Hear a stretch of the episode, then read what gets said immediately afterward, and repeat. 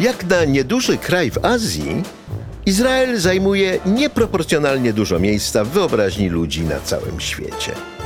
Może po prostu w ziemi zbyt obiecanej nie może być nudno. Gdyby można było eksportować historię lub teraźniejszość, to Izrael, jedyny kawałek Bliskiego Wschodu bez ropy naftowej, byłby drugim Kuwejtem. Ja się nazywam Konstanty Gebert i to jest podcast Ziemia zbyt obiecana. Mało jest ciekawszych miejsc na ziemi. WKHZ, jak to się mówi po hebrajsku. Tak to jest. Podcast Ziemia zbyt obiecana powstaje we współpracy z Fundacją Elnet, organizacją pozarządową, której celem jest pogłębianie relacji między Europą a Izraelem w oparciu o wspólne potrzeby i demokratyczne wartości. Najbardziej charakterystycznym budynkiem w Jerozolimie, być może w całym Izraelu i na pewno jednym z najbardziej rozpoznawalnych budynków na świecie, jest złota kopuła skały wznosząca się na jerozolimskiej starówce na wzgórzu świątynnym.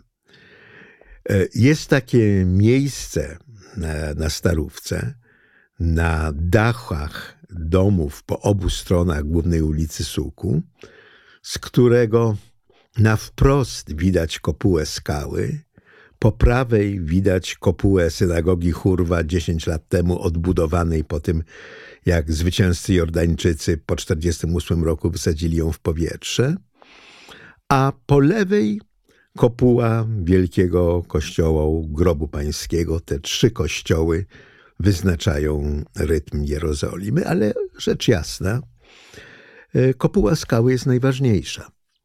Jest najważniejsza nie tylko dlatego, że wyglądem jest najbardziej imponująca. No, trudno nie zwrócić uwagi na ogromną kopułę pokrytą złotem.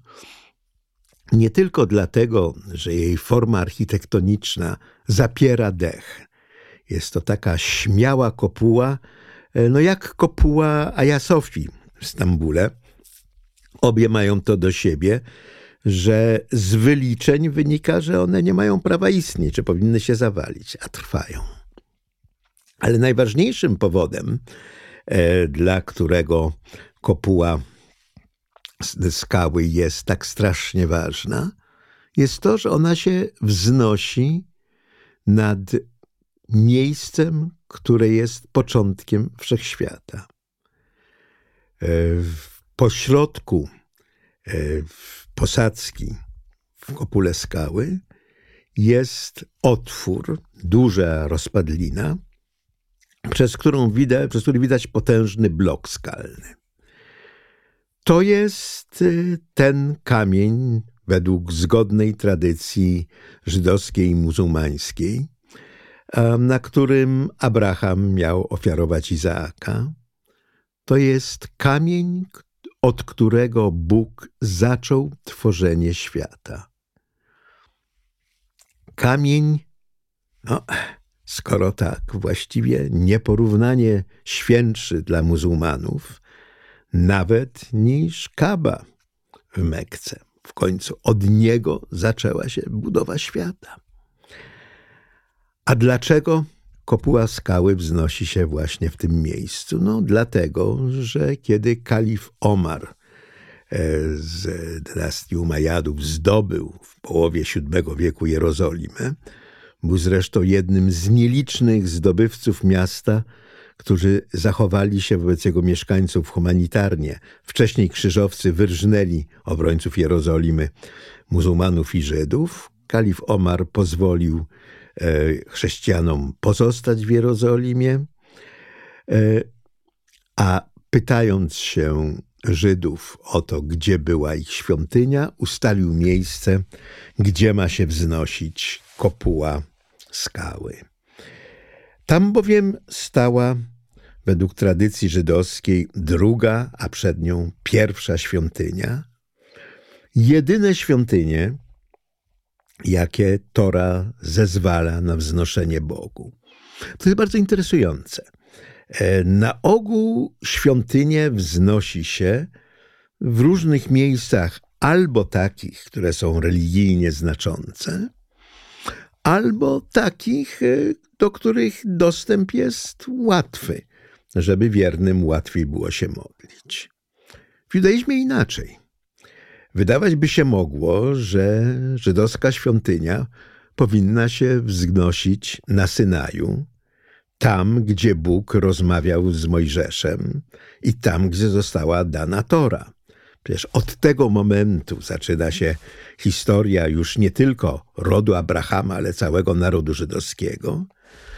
E, narodu żydowskiego nierozerwalnie związanego z Torą, którą Bóg im w tym miejscu dał.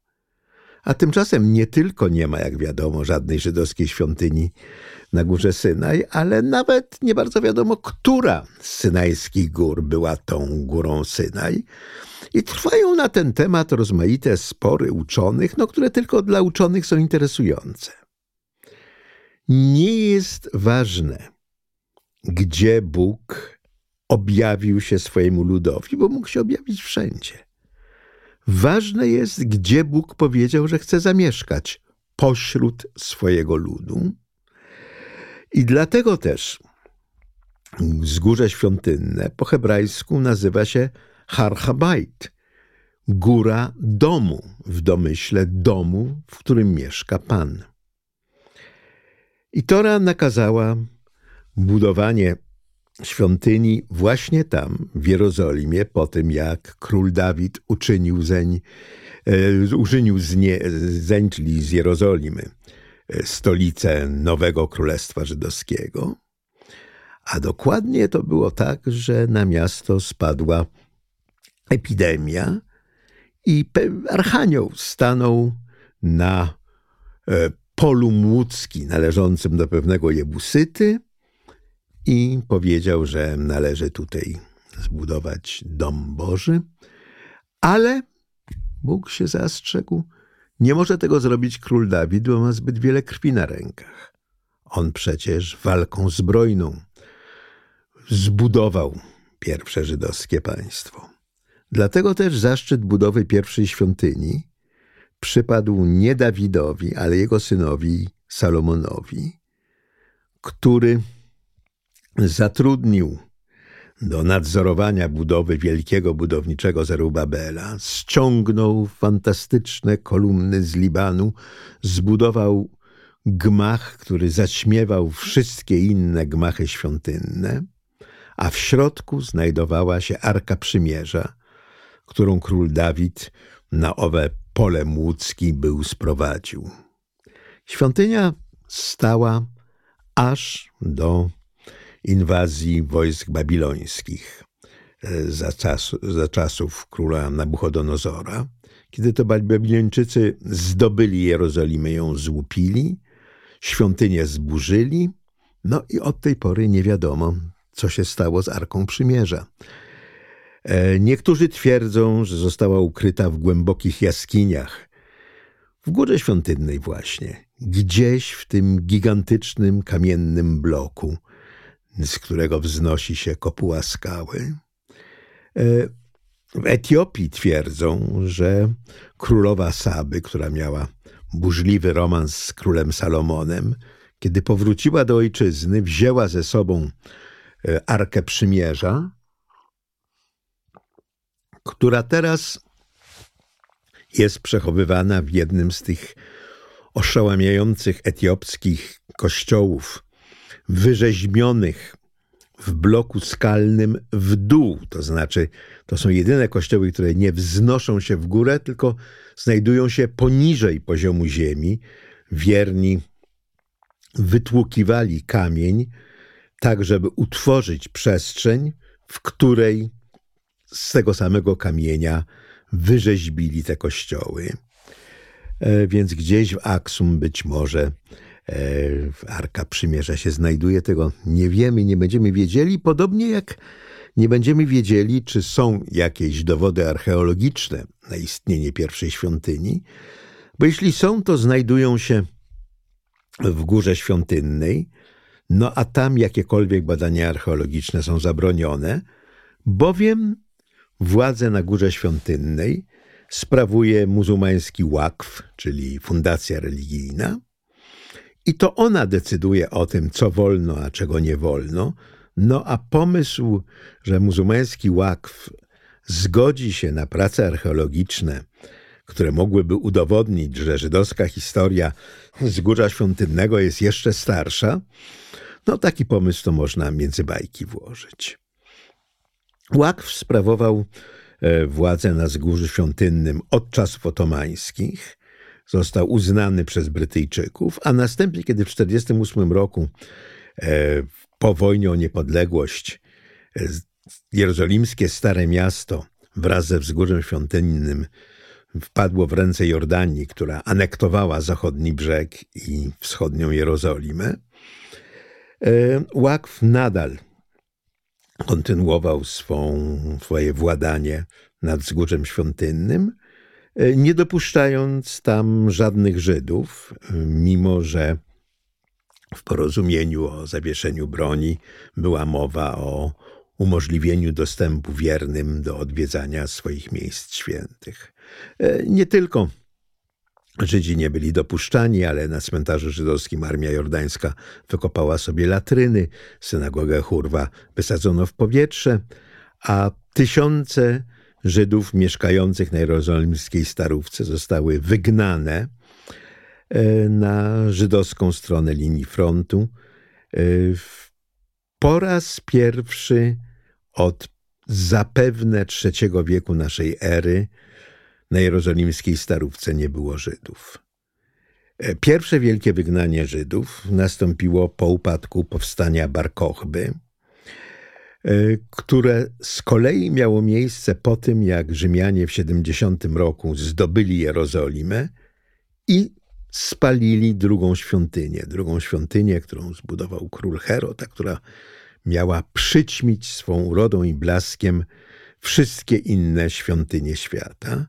Wojna z Rzymianami, którzy sprawowali, dziś byśmy powiedzieli, kolonialną władzę nad Królestwem Judei, e, zaczęła się od tego, że Rzymianie zażądali, żeby w świątyni jerozolimskiej postawić e, posąg cesarza i tam mu oddawać cześć boską.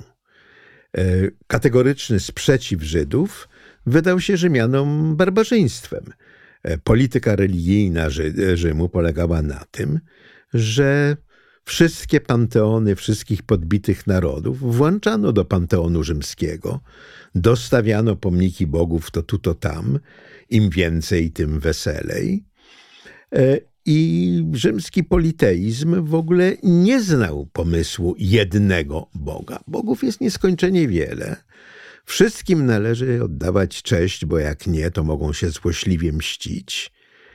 I to, że Żydzi w swojej świątyni nie mają posągu swojego Boga, no jest tylko dowodem tego, jaka to barbarzyńska nacja. Natomiast to, że nie godzą się, by tam stanął posąg Boga rzymskiego, czyli cesarza, no to jest oczywiście policzek wymierzony cesarstwu. I odpowiedź na to mogła być tylko zbrojna. Wojna trwała cztery lata. Znamy ją dokładnie z relacji Józefa Flawiusza. No i zakończyła się zdobyciem Jerozolimy i podpaleniem świątyni według niektórych źródeł przypadkowym. E, I tak spłonęła druga świątynia. Żydzi ją opłakiwali. Podjęli pod wodzą Bar Kochby w roku 135 naszej ery e, próbę powstania przeciwko rzymskiej władzy, która zakończyła się absolutną katastrofą klęską Żydów, wygnaniem niemal wszystkich Żydów z Erec Israel, zakazem wstępu do ruin Jerozolimy dla Żydów, a ruiny te zostały zaorane solą, by tam nic już nie mogło wyrosnąć.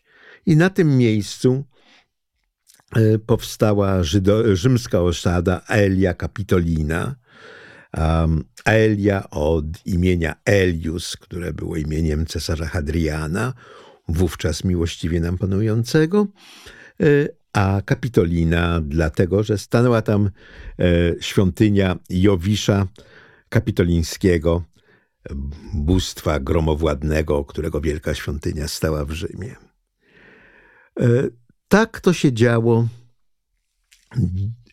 także po tym, jak imperium się podzieliło na wschodnie i zachodnie. Zachodnie, jak wiemy, padło pod czasami barbarzyńców, a wschodnie imperium Bizancjum e, sprawiało, sprawowało władzę nad Jerozolimą e, i kiedy cesarzem wschodniego imperium został Julian Apostata, który odrzucił chrześcijaństwo przyjęte przez jego wielkiego poprzednika Konstantyna i powrócił na krótko do kultu pogańskiego, tenże Julian Apostata e, zezwolił Żydom, by oczyścili e, wzgórze świątynne, które stało się wysypiskiem śmieci i mogli tam oddawać cześć swojemu Bogu. No to trwało krótko. E, Julian Apostata niedługo był cesarzem, a jego chrześcijańscy następcy nie widzieli żadnego powodu, żeby bogobójcom pozwalać na oddawanie kultu komukolwiek. To się zmieniło, kiedy przejściowo Jerozolima została zdobyta przez perskich Sasanidów, którzy szukając sojuszników e, poparli e, dążenia żydowskie do tego, by przywrócić żydowską obecność e, w Jerozolimie, tym samym nawiązując do tradycji ich wielkiego poprzednika, cesarza Cyrusa, który pokonawszy Babilon po pół wieku od upadku Jerozolimy e, z rąk Nabuchodonozora, zezwolił Żydom na powrót do Jerozolimy e, i odbudowę swojego państwa. Ale Sasanidzi e, nie sprawowali długo władzy w Erec Israel, zresztą E, najwyraźniej przeliczywszy się, jeśli chodzi o korzyści polityczne, jakie mogli mieć e, ze współpracy z Żydami, e, wkrótce zabronili Żydom sprawowania kultu. Bizancjum odbiło Jerozolimę i mściło się na Żydach jako kolaborantach z Persami, no a potem, jak się rzekło, najpierw przyszli krzyżowcy, a potem cesarz, odwrotnie, przepraszam, najpierw przyszedł cesarz umarł, a, a, a potem krzyżowcy, cesarz umarł, zbudował świątynię skały, kopułę skały, na miejscu, na którym pewien żydowski konwertyta na islam mu wskazał, jako tym miejscu, gdzie stała druga świątynia, pierwsza świątynia i w którym znajduje się kamień, który jest fundamentem świata, a w tym kamieniu jest rozpadlina, przez którą można się dostać do głębokiej pieczary e, w sercu wzgórza świątynnego, która nosi nazwę Studni Dusz. Alaksa jest jednym, e, kopuła skały jest jednym z najpiękniejszych znanych mi przykładów architektury sakralnej. Obok wznosi się duży meczet Al-Aqsa, a to znaczy odległy, naj, najodleglejszy meczet, Masjid Al-Aqsa, bowiem w tradycji muzułmańskiej, w bardzo tajemniczym epizodzie w historii proroka, prorok udał się e, z Mekki właśnie do najdalszego meczetu, Masjid al-Aqsa. E, Koran nigdy nie identyfikuje miejsca, gdzie ten meczet się znajduje. Udał się tam na swoim skrzydlatym rumaku al-Burak, E, którego przywiązał do muru tej, tego najdalszego meczetu, a następnie wzniósł się do nieba, gdzie wygłaszał nauki, których potulnie słuchali wcześniejsi prorocy islamu, tacy jak Mojżesz i Jezus.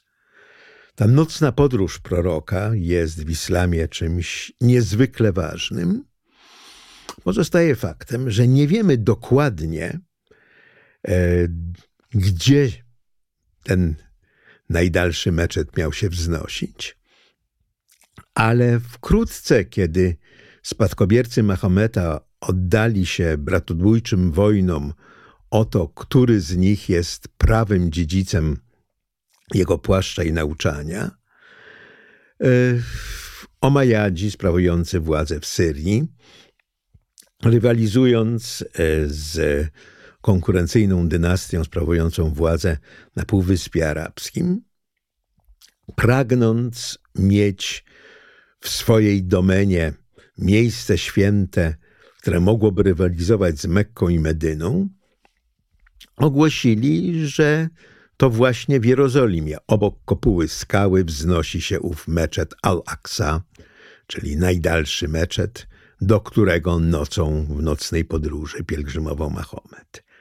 I taka tradycja się utarła, chociaż nie ma w Koranie o tym ani słowa. Koran zresztą w ogóle nie wymienia Jerozolimy, podczas kiedy, jak wiemy, Tora wymienia ją setki razy. Ale to, że oba te wspaniałe meczety y, stały się trzecim po Mekce i Medynie miejscem świętym islamu, dzisiaj jest niepodważalne, więc niezależnie od tego, w oparciu o jaki autorytet właśnie ten meczet na wzgórzu świątynnym w Jerozolimie został uznany za meczet Al-Aqsa, to dla dzisiejszych muzułmanów to właśnie jest Al-Aqsa, trzecie święte miejsce islamu. I kiedy Izrael zdobył e, wschodnią Jerozolimę, jerozolimską Starówkę i Górę Świątynną e, w wojnie sześciodniowej, e, a radio podało komunikat Harhabait Bejadeinu, góra domu, czyli tego domu, w którym mieszka Bóg, jest w naszych rękach. To są słowa, których, e, które zna każdy Izraelczyk. No powstało pytanie, e, co dalej z tymi meczetami?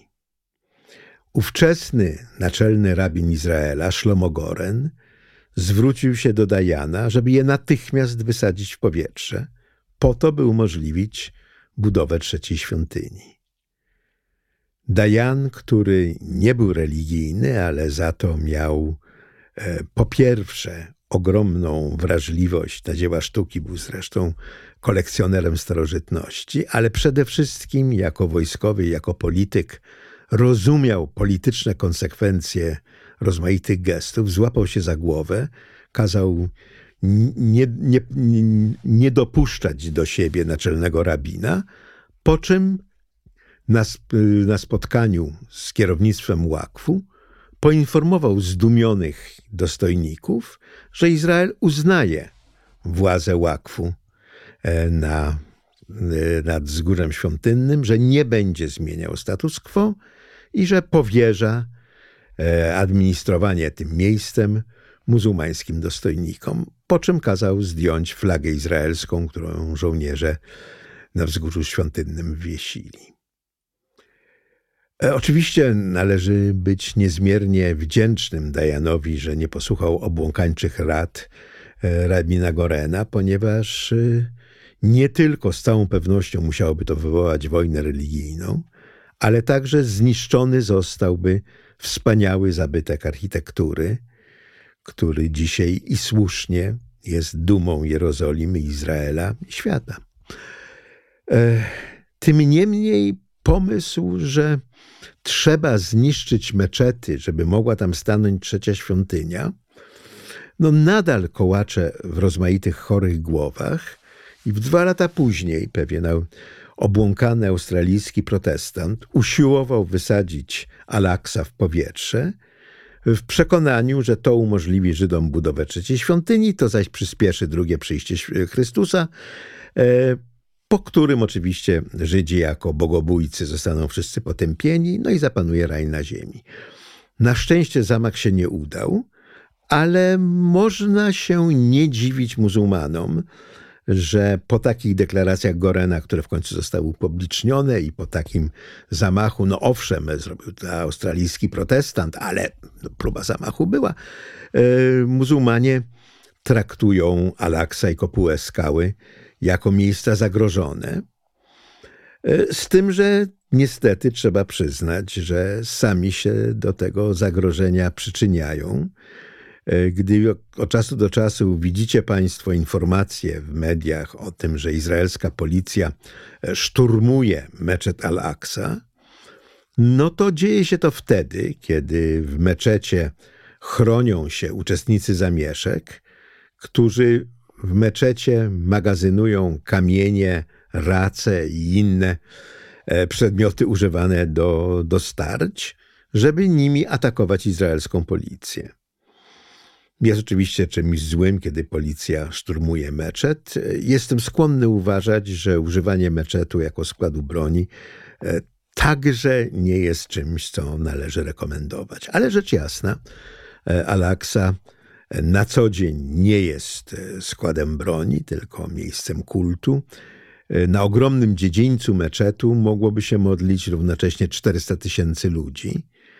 E, co przypomina nam, że w czasach biblijnych trzy razy do roku wszyscy dorośli Izraelczycy mieli obowiązek udać się na wzgórze świątynne do świątyni, by złożyć ofiary podczas trzech świąt pielgrzymich, czyli Pesach, Szawłot i Sukot. I wówczas też na górę świątynną wstępowały setki tysięcy ludzi. Cały ten spór o to, co robić z górą świątynną, e, oburzenie, jakie u niektórych Żydów i u niektórych chrześcijańskich fundamentalistów wywołuje fakt, że stoją tam meczety, e, wynika przede wszystkim z ignorancji. E, żydowska tradycja uczy, że po dwóch nieudanych próbach zbudowania świątyni, no pierwsza padła pod ciosami Nabuchodonozora, druga padła pod ciosami Rzymian, Nasza tradycja uczy, że trzecia nie będzie już dziełem rąk ludzkich, że w momencie, kiedy przyjdzie Mesjasz, stąpi sama z nieba cała i gotowa. Nic więcej o tym Talmud nie mówi, a ja sobie myślę tak. To wzgórze świątynne to jest ogromny obszar. Jak się rzekło, 400 tysięcy ludzi może się tam modlić. Jest tam masa miejsca. Jest zupełnie wyobrażalne, że trzecia świątynia, jak stąpi z nieba i stanie na wzgórzu świątynnym, nie zmiażdży tych meczetów, tylko stanie obok nich. Tam jest dość miejsca dla wszystkich. A wiemy z tego, co mówi prorok Micheasz, że po przyjściu Mesjasza a mój dom stanie się domem modlitwy dla wszystkich ludów. Uwaga, nie jest wcale powiedziane, że wszystkie ludy staną się Żydami. Nie. Ale że wszystkie ludy będą się modlić w domu pańskim, co nie oznacza, że nie będą się także modlić w swoich świątyniach. Zupełnie sobie spokojnie wyobrażam trzecią świątynię wznoszącą się na wzgórzu świątynnym między kopułą skały a meczetem Al-Aqsa, z widokiem na wielką kopułę kościoła grobu pańskiego i wieże i dzwonnice innych chrześcijańskich kościołów Jerozolimy, bo różne świątynie jednego Boga, co do tego, że modlimy się do jednego Boga, chyba nikt nie ma wątpliwości, e, w niczym niczego nikomu nie odbierają. Ważne jest, byśmy go uznali jako jednego, a potem modlili się do niego na swój sposób, w swoich świątyniach, swoim językiem, swoją tradycją, bo Bóg najwyraźniej lubi różnorodność. Jakby nas chciał mieć wszystkich takich samych, to by nas ulepił z takiego samego serka homogenizowanego i byłby spokój.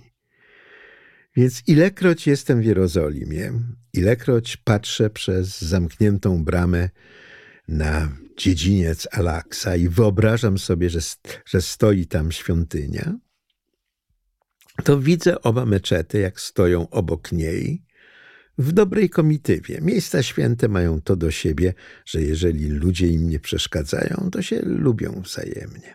No ale na wzgórzu świątynnym ludzie przeszkadzają bardzo. E, jako, że decyzją generała Dajana Łakw pozostał administratorem wzgórza świątynnego, e, podjął decyzję, że Żydzi mogą wstępować na wzgórze tylko Żydzi i inni niemuzułmanie, tylko przez godzinę dziennie, dwa razy w tygodniu, a od 2000 roku, od drugiej intifady, tylko muzułmanie mają prawo wstępu do meczetów. E, zasadniczo Żydom nie powinno to przeszkadzać, ponieważ nasza tradycja uczy, że skoro nie wiemy dokładnie, w którym miejscu na wzgórzu świątynnym e, wznosiła się świątynia, w sercu której było święte świętych, do którego wstępował tylko arcykapłan po oczyszczających rytuałach raz do roku w Jom Kippur, no to nie powinniśmy, skoro nie wiemy gdzie, dokładnie, gdzie to było, wstępować na wzgórze świątynne, by niechcący nie zbrukać naszymi nieczystymi podeszwami naszych butów miejsca, w którym stało święte świętych. I taki był konsensus opinii rabinackiej bardzo długo, aż zaczął się zmieniać no właśnie po roku 67, e, kiedy z jednej strony Har Habait Bejadeinu, wzgórze świątynne jest w naszych rękach, a z drugiej strony no, Żydzi tam nadal nie mogą wstępować. I coraz więcej rabinów zaczęło uważać, że mimo tego, że tradycja rozporządziła inaczej, Żydzi mogą wstępować na wzgórze świątynne i stopniowo liczba żydowskich gości na tym wzgórzu e, z kilkudziesięciu miesięcznie wzrosła do kilkuset. E, przydzielano im e, opiekunów z ramienia Straży Łakwu, którzy pilnowali, żeby Żydzi się nie modlili, bo tego na mocy decyzji Łakwu Żydom robić na wzgórzu świątynnym nie wolno. E, więc jeżeli strażnik Łakwu zobaczył, że Żyd porusza wargami, nawet jeżeli nie słychać słów modlitwy, natychmiast wzywał izraelską policję, która e, usuwała delikwenta ze wzgórza świątynnego, a nawet groziło mu to że będzie miał sprawę o zakłócenie porządku publicznego. E, z czasem jednak żydowskich gości odwiedzających wzgórze świątynne było coraz więcej i coraz śmielej e, decydowali, że mogą się tam modlić, tam gdzie wznosiła się świątynia. Przecież w niczym to nie przeszkadza muzułmańskiej modlitwie. Zaś izraelska policja coraz mniej chętnie broniła prawa łakwu do zabraniania modlitwy. I tak stopniowo kształtuje się nowa norma. E, Żydzi mogą wstępować na wzgórze świątynne i mogą się na nim modlić, byle dyskretnie, e, tak by nie, nie zakłócać spokoju innych. No i jest prawdą, że ten muzułmański ekskluzywizm na wzgórzu świątynnym może razić, ale wyobraźcie sobie Państwo, jaka byłaby reakcja wiernych przy zachodniej ścianie, przy kotelu, tak? który jest tym kawałkiem muru oporowego, jedynym, który pozostaje ze świątyni Herodowej, drugiej świątyni. I to jest najświętsze miejsce judaizmu, tam się zawsze modlimy, patrząc w górę tego potężnego muru, a jak się cofniemy, to za brzegów muru wyłaniać się zacznie złota kopuła Alaksa. No wyobraźcie sobie Państwo, jaka byłaby reakcja, gdyby tam przyszli muzułmanie, rozłożyli swoje dywaniki i zaczęli się modlić. E, I jest coś takiego niedobrego w silnej egzaltacji religijnej, która wymaga od wiernych tego, żeby byli niemili dla tych, którzy się modlą inaczej. Jest to coś, czego ja nie potrafię pojąć. E, mnie zawsze ogromnie imponuje ta muzułmańska cierpliwość w modlitwie. Modlą się pięć razy dziennie, więc e, wszędzie chodzą z tymi maleńkimi dywanikami, na których klękają ponieważ podobnie jak w judaizmie zabronione jest klękanie na gołym kamieniu, i oddają cześć Bogu, absolutnie nie przejmując się otoczeniem i tym, kto na nich patrzy i co sobie myśli. Tak też robią Żydzi ortodoksyjni, którzy um, często w porę popołudniowej czy wieczornej modlitwy, wieczornej modlitwy yy, spędzają nie w synagodze i wtedy się zatrzymują gdzieś, e, wyciągają modlitewnik i zaczynają się modlić. I tak, tak moim zdaniem modlić się należy. Tymczasem póki co dochodzi na wzgórzu świątynnym do regularnych bitew, kiedy czasami wierni muzułmańscy usiłują przepędzić wiernych żydowskich, a zdarza się, że wierni żydowscy mówią muzułmanom: To nie jest wasze miejsce, to jest nasze miejsce i macie się wynosić. No, dla, dla równowagi należy powiedzieć, że także i muzułmanie uważają, że wzgórze świątynne to jest ich miejsce, nie nasze miejsce, nasze Żydów i to my mamy się wynosić. Tak na przykład twierdził Yasser Arafat, który zupełnie z kamienną twarzą mówił, że nie było żadnej żydowskiej świątyni na wzgórzu świątynnym, że to wszystko są żydowskie kłamstwa, że może Żydzi mieli swoją świątynię na górze Gezirim, tam gdzie ofiary dzisiaj składają Samarytanie, ale Al-Aqsa i kopuła skały są muzułmańskie i tylko muzułmańskie. I Żydzi nie mają tutaj żadnych praw ani żadnych historycznych korzeni. Zawsze mnie zdumiewało, że dla doraźnych celów politycznych można ignorować to, e, co jednoznacznie mówi tradycja. Przecież tradycja muzułmańska jednoznacznie mówi, że kalif Omar zbudował kopułę skały tam, gdzie mu żydowski konwertyta wskazał miejsce, gdzie wznosiła się świątynia. No ale najwyraźniej dla doraźnych celów politycznych można uznać, że kalif Omar się mylił, a być może w ogóle nie istniał. Drugą konsekwencją tego, że Łakw sprawuje władzę na wzgórzu świątynnym, jest, jak się rzekło, y, to, że nie wolno prowadzić tam żadnych prac wykopaliskowych. Dlatego, że no nie daj Boże, prace te potwierdziłyby żydowską historię tego miejsca. E, historię drugiej świątyni mamy dobrze udokumentowaną. Udało się odzyskać nie z samego wzgórza świątynnego, ale, znaczy, ale pośrednio ze wzgórza, o czym za chwilę, oraz z innych wykopalisk, artefakty z czasów drugoświątynnych, w tym drogowskaz dla, dla dziedzińca, dla gojów, dla nieżydów, ponieważ nieżydzi też mogli E, modlić się na, w świątyni. Mój dom będzie domem modlitwy wszystkich ludów, ale mieli oddzielny dziedziniec, tak jak Żydzi mieli oddzielne dziedzińce dla mężczyzn i kobiet.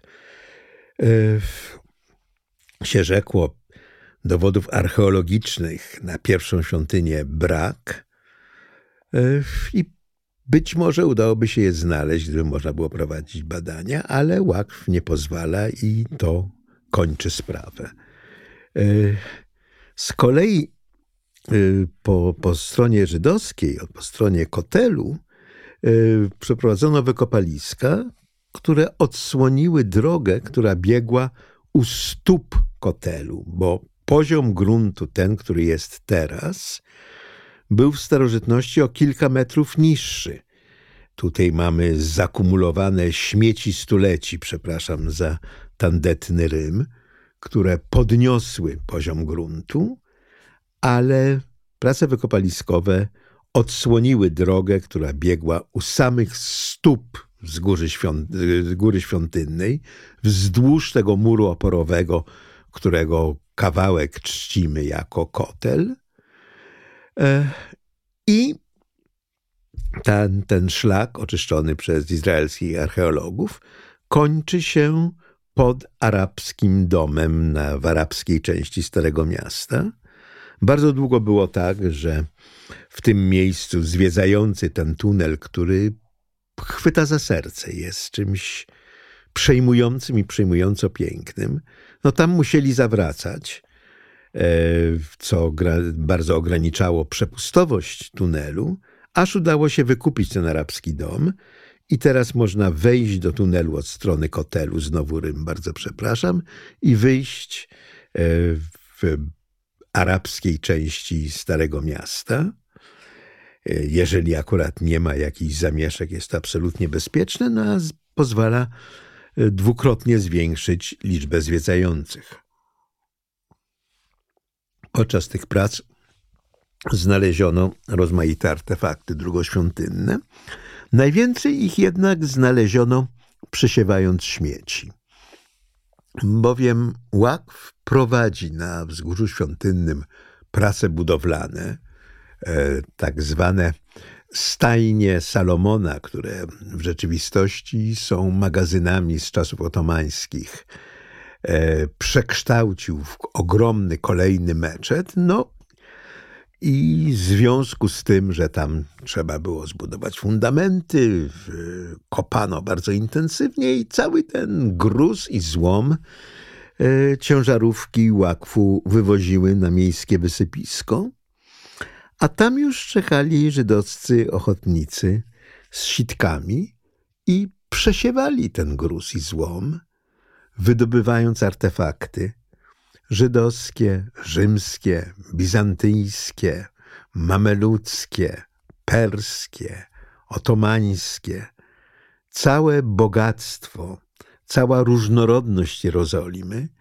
straszliwie zdewastowana podczas tych prac budowlanych, bo tam naprawdę nikt się nie przejmował tym, że ziemia zawiera skarby. Nie można było Łakwowi tego zabronić, bo Izrael nie jest instancją nadrzędną wobec Łakwu. Łakw jest y, w stosunku do Izraela partnerem równorzędnym.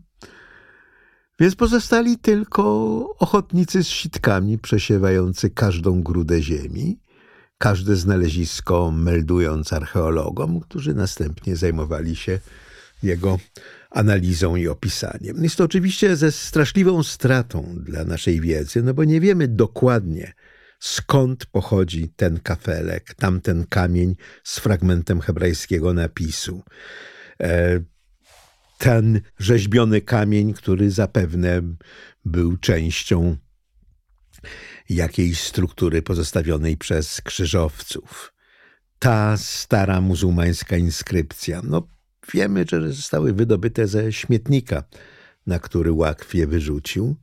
Nie wiemy, gdzie były na wzgórzu świątynnym, jak się miały do siebie. Cała, to jest cała księga historii wzgórza świątynnego, z której barbarzyńsko powyrywano karty, podarto je, przemieszano, wymieszano ze śmieciami i wyrzucono. No a ochotnicy siedzą i cierpliwie zbierają kawałeczek za kawałeczkiem, próbując je do siebie dopasować i zrozumieć historię, e, którą te karty opowiadają.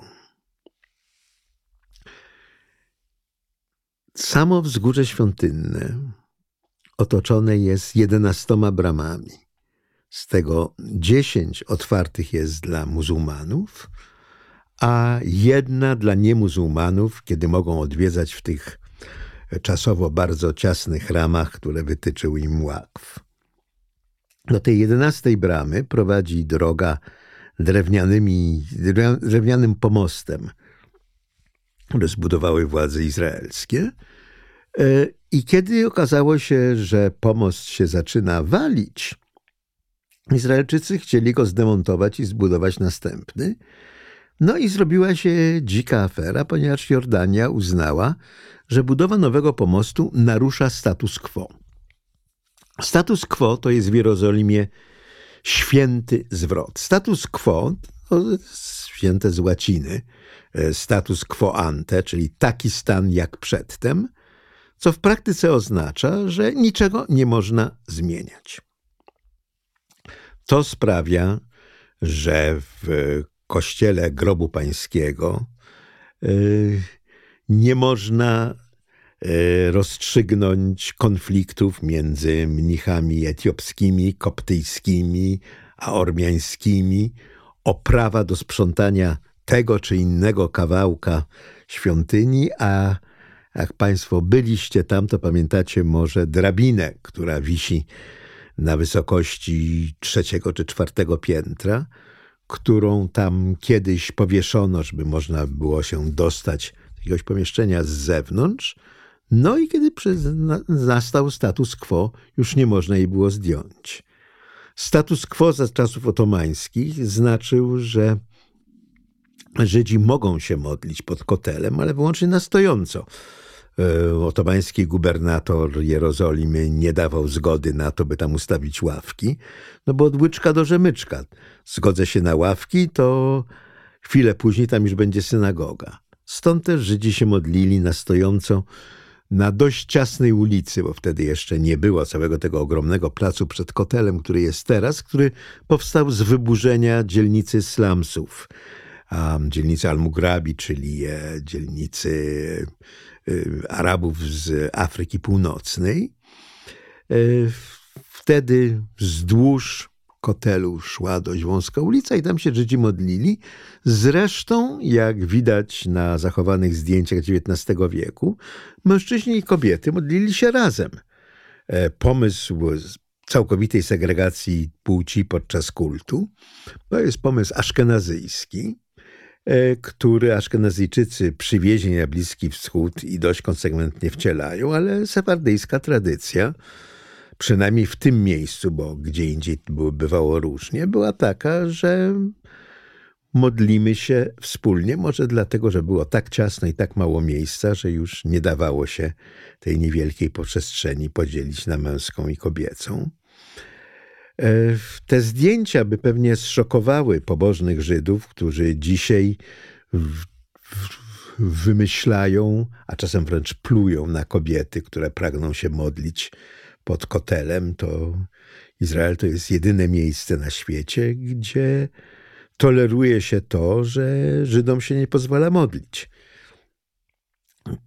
Już dawno, 10 lat temu, został zawarty kompromis, który polegał na tym, że podczas kiedy pod samym kotelem mężczyźni i kobiety modlą się oddzielnie, to kawałek dalej zbudowano dodatkową platformę, na której można było odprawiać nabożeństwa bez podziału płci. No tyle tylko, że żeby dojść do tej platformy, trzeba było przejść przez kotel, tam gdzie są, się modlą rozdzielnopłciowo i zawsze znajdował się ktoś, kogo strasznie bolała modlitwa nierozdzielnopłciowa i dawał temu czynny wyraz. Dzisiaj ta modlitwa jest po prostu zbyt niebezpieczna. E, więc kobiety nie mogą się modlić razem z mężczyznami. Ale co to ma wspólnego z pomostem, e, który prowadzi do jedenastej bramy? No, Jordańczycy uznali, że budowa nowego pomostu narusza status quo, że bez ich zgody to nie może się dokonać, a oni za tą zgodę każą sobie zapłacić rozmaitymi innymi ustępstwami i przez jakiś czas dostęp na wzgórze świątynne dla nieżydów e, był niemal niemożliwy, bo pomost groził zawaleniem. W końcu zawarto jakiś zgniły kompromis, który troszeczkę zmodyfikował status quo. I znowu można tym drewnianym pomostem docierać do Alaksa. I tamtędy wchodzą ci Żydzi, którzy tam się modlą a czasem próbują zrobić coś więcej. No, w tym roku przed Pesach zatrzymano e, żydowskiego w, w tym roku przed Pesach policja izraelska zatrzymała Żyda, który udawał się na wzgórze świątynne z nożem i barankiem, żeby sprawować ofiarę pesachową tak, jak jest ona opisana w Torze i jak nie była sprawowana od prawie dwóch tysięcy lat, odkąd Rzymianie e, zburzyli drugą świątynię. E, no, taki jednoznaczny przykład żydowskiego kultu musiałby wzbudzić protest muzułmanów, chociaż skądinąd w innych świętach muzułmańskich e, składanie ofiar z jagniąt i owiec jest, stanowi coś codziennego, coś oczywistego. Ale muzułmanie się boją, że te wszystkie żydowskie podchody to jest tylko zasłona dymna, że tak naprawdę Żydzi, a w oczach wielu muzułmanów Żydzi to jest jedna zorganizowana i niezróżnicowana masa, zdyscyplinowana i kierowana jednym rozkazem. Skoro Żydzi mają już Instytut Trzeciej Świątyni, a w nim wszystkie szaty, naczynia i narzędzia, które są niezbędne do sprawowania kultu, no to czekają tylko na decyzję polityczną, żeby wziąć, zdobyć Al-Aqsa i tam sprawować kult żydowski. E, jak, się, jak należy się domyślać, sprawowanie kultu żydowskiego miałoby uniemożliwić sprawowanie kultu muzułmańskiego, chociaż Nawet w tym mało prawdopodobnym przypadku nie bardzo wiadomo, dlaczego muzułmanie nie mogliby się nadal modlić obok Żydów. E, ten instytut jest, e, prowadzi bardzo aktywną działalność propagandową na rzecz budowy trzeciej świątyni, która, jak to wynika jednoznacznie z ilustracji w broszurkach Instytutu, zastąpi oba wznoszące się na wzgórzu świątynnym meczety. E, I to budzi obawy po stronie muzułmańskiej. Obawy te są czasem e, rozniecane świadomie e, przez kłamliwą propagandę. Druga intifada jakoby wybuchła z tego powodu, że Ariel Sharon zbezcześcił swą obecnością wzgórze świątynne. Tyle tylko, że Ariel Sharon skorzystał z tego, takiego samego prawa, jak wszyscy inni e, niemuzułmanie odwiedzający wzgórze. Wszedł na wzgórze, rozejrzał się i poszedł.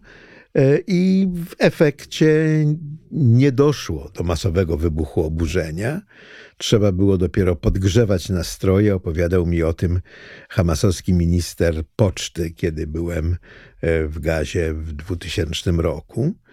E, mówił mi, że to rzeczywiście trzeba było włożyć sporo pracy w to, żeby naród zareagował stosownym oburzeniem.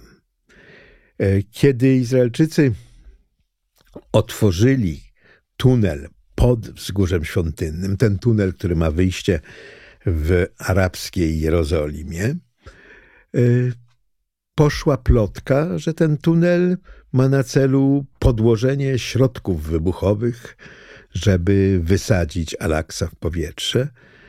Y, ku swojej wielkiej hańbie tę plotkę podała także agencja France Presse, E, co prawda opatrując ją informacją, że jest to wiadomość niepotwierdzona, ale wówczas doszło do ogromnych starć e, między e, demonstrującymi muzułmanami a izraelską policją. Muzułmanie byli przekonani, że muszą fizycznie bronić Al-Aqsa przed żydowską próbą wysadzenia jej w powietrze, podczas kiedy chodziło rzeczywiście o otwarcie tunelu w którym zwiedzający mogliby podziwiać fundamenty murów oporowych świątyni.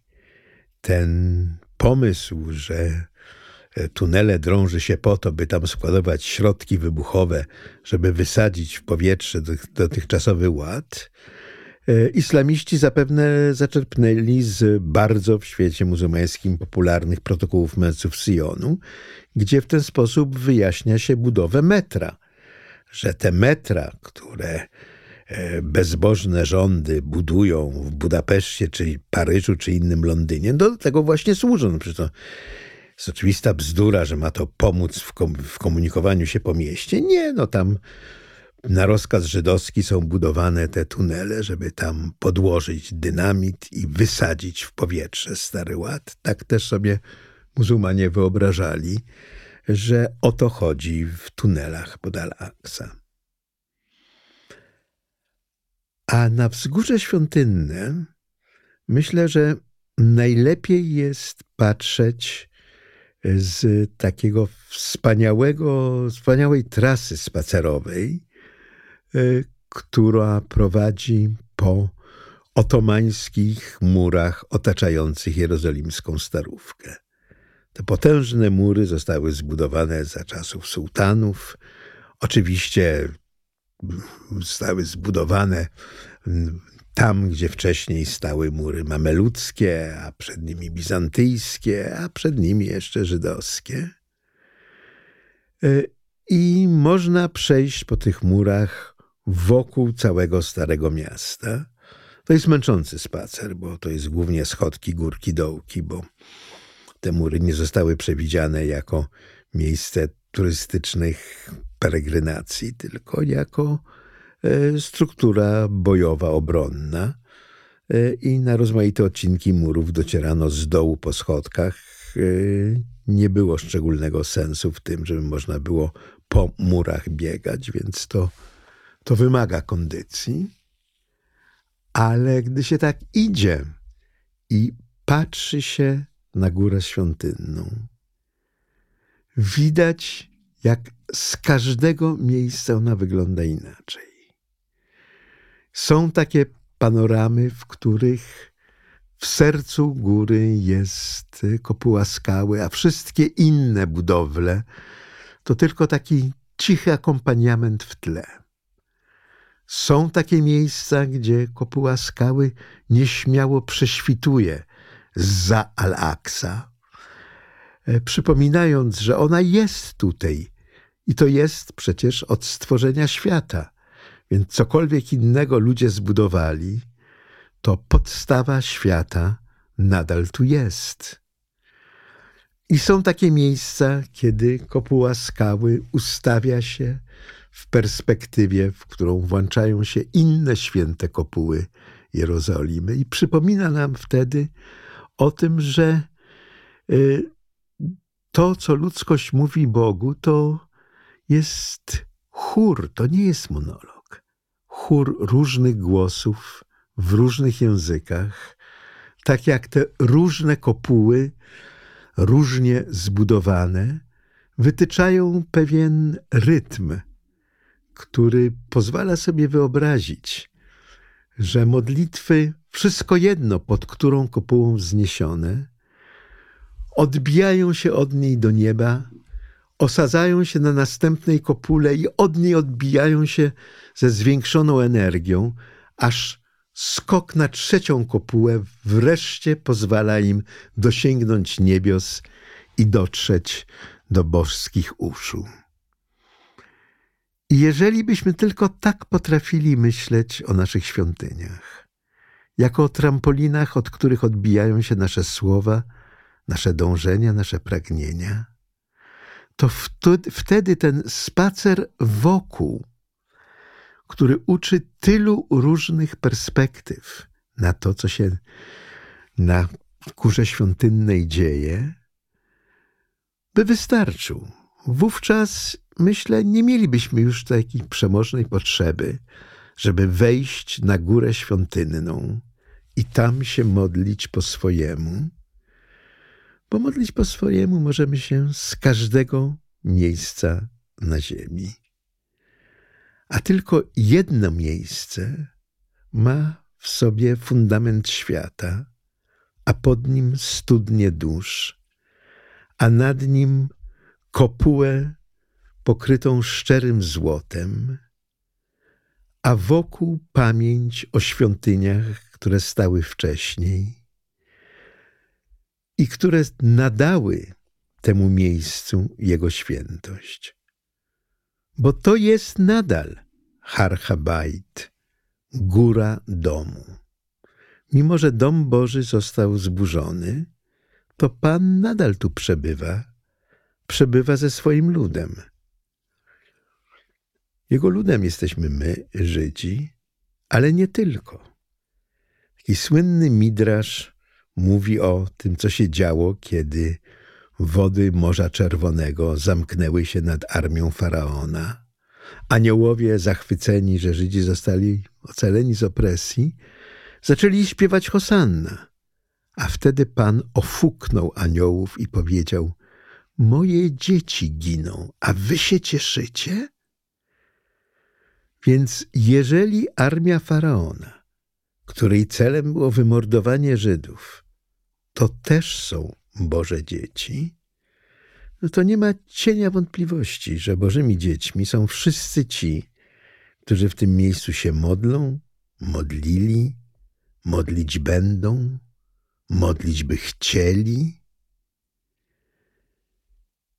I dlatego to jest miejsce najbardziej niezwykłe na planecie. I nawet jeżeli dzisiaj nie możemy spojrzeć na kamień, który jest fundamentem wszechświata, i nadal zasadna jest obawa, że wchodząc na górę świątynną, możemy zbrukać miejsce, gdzie stało święte świętych,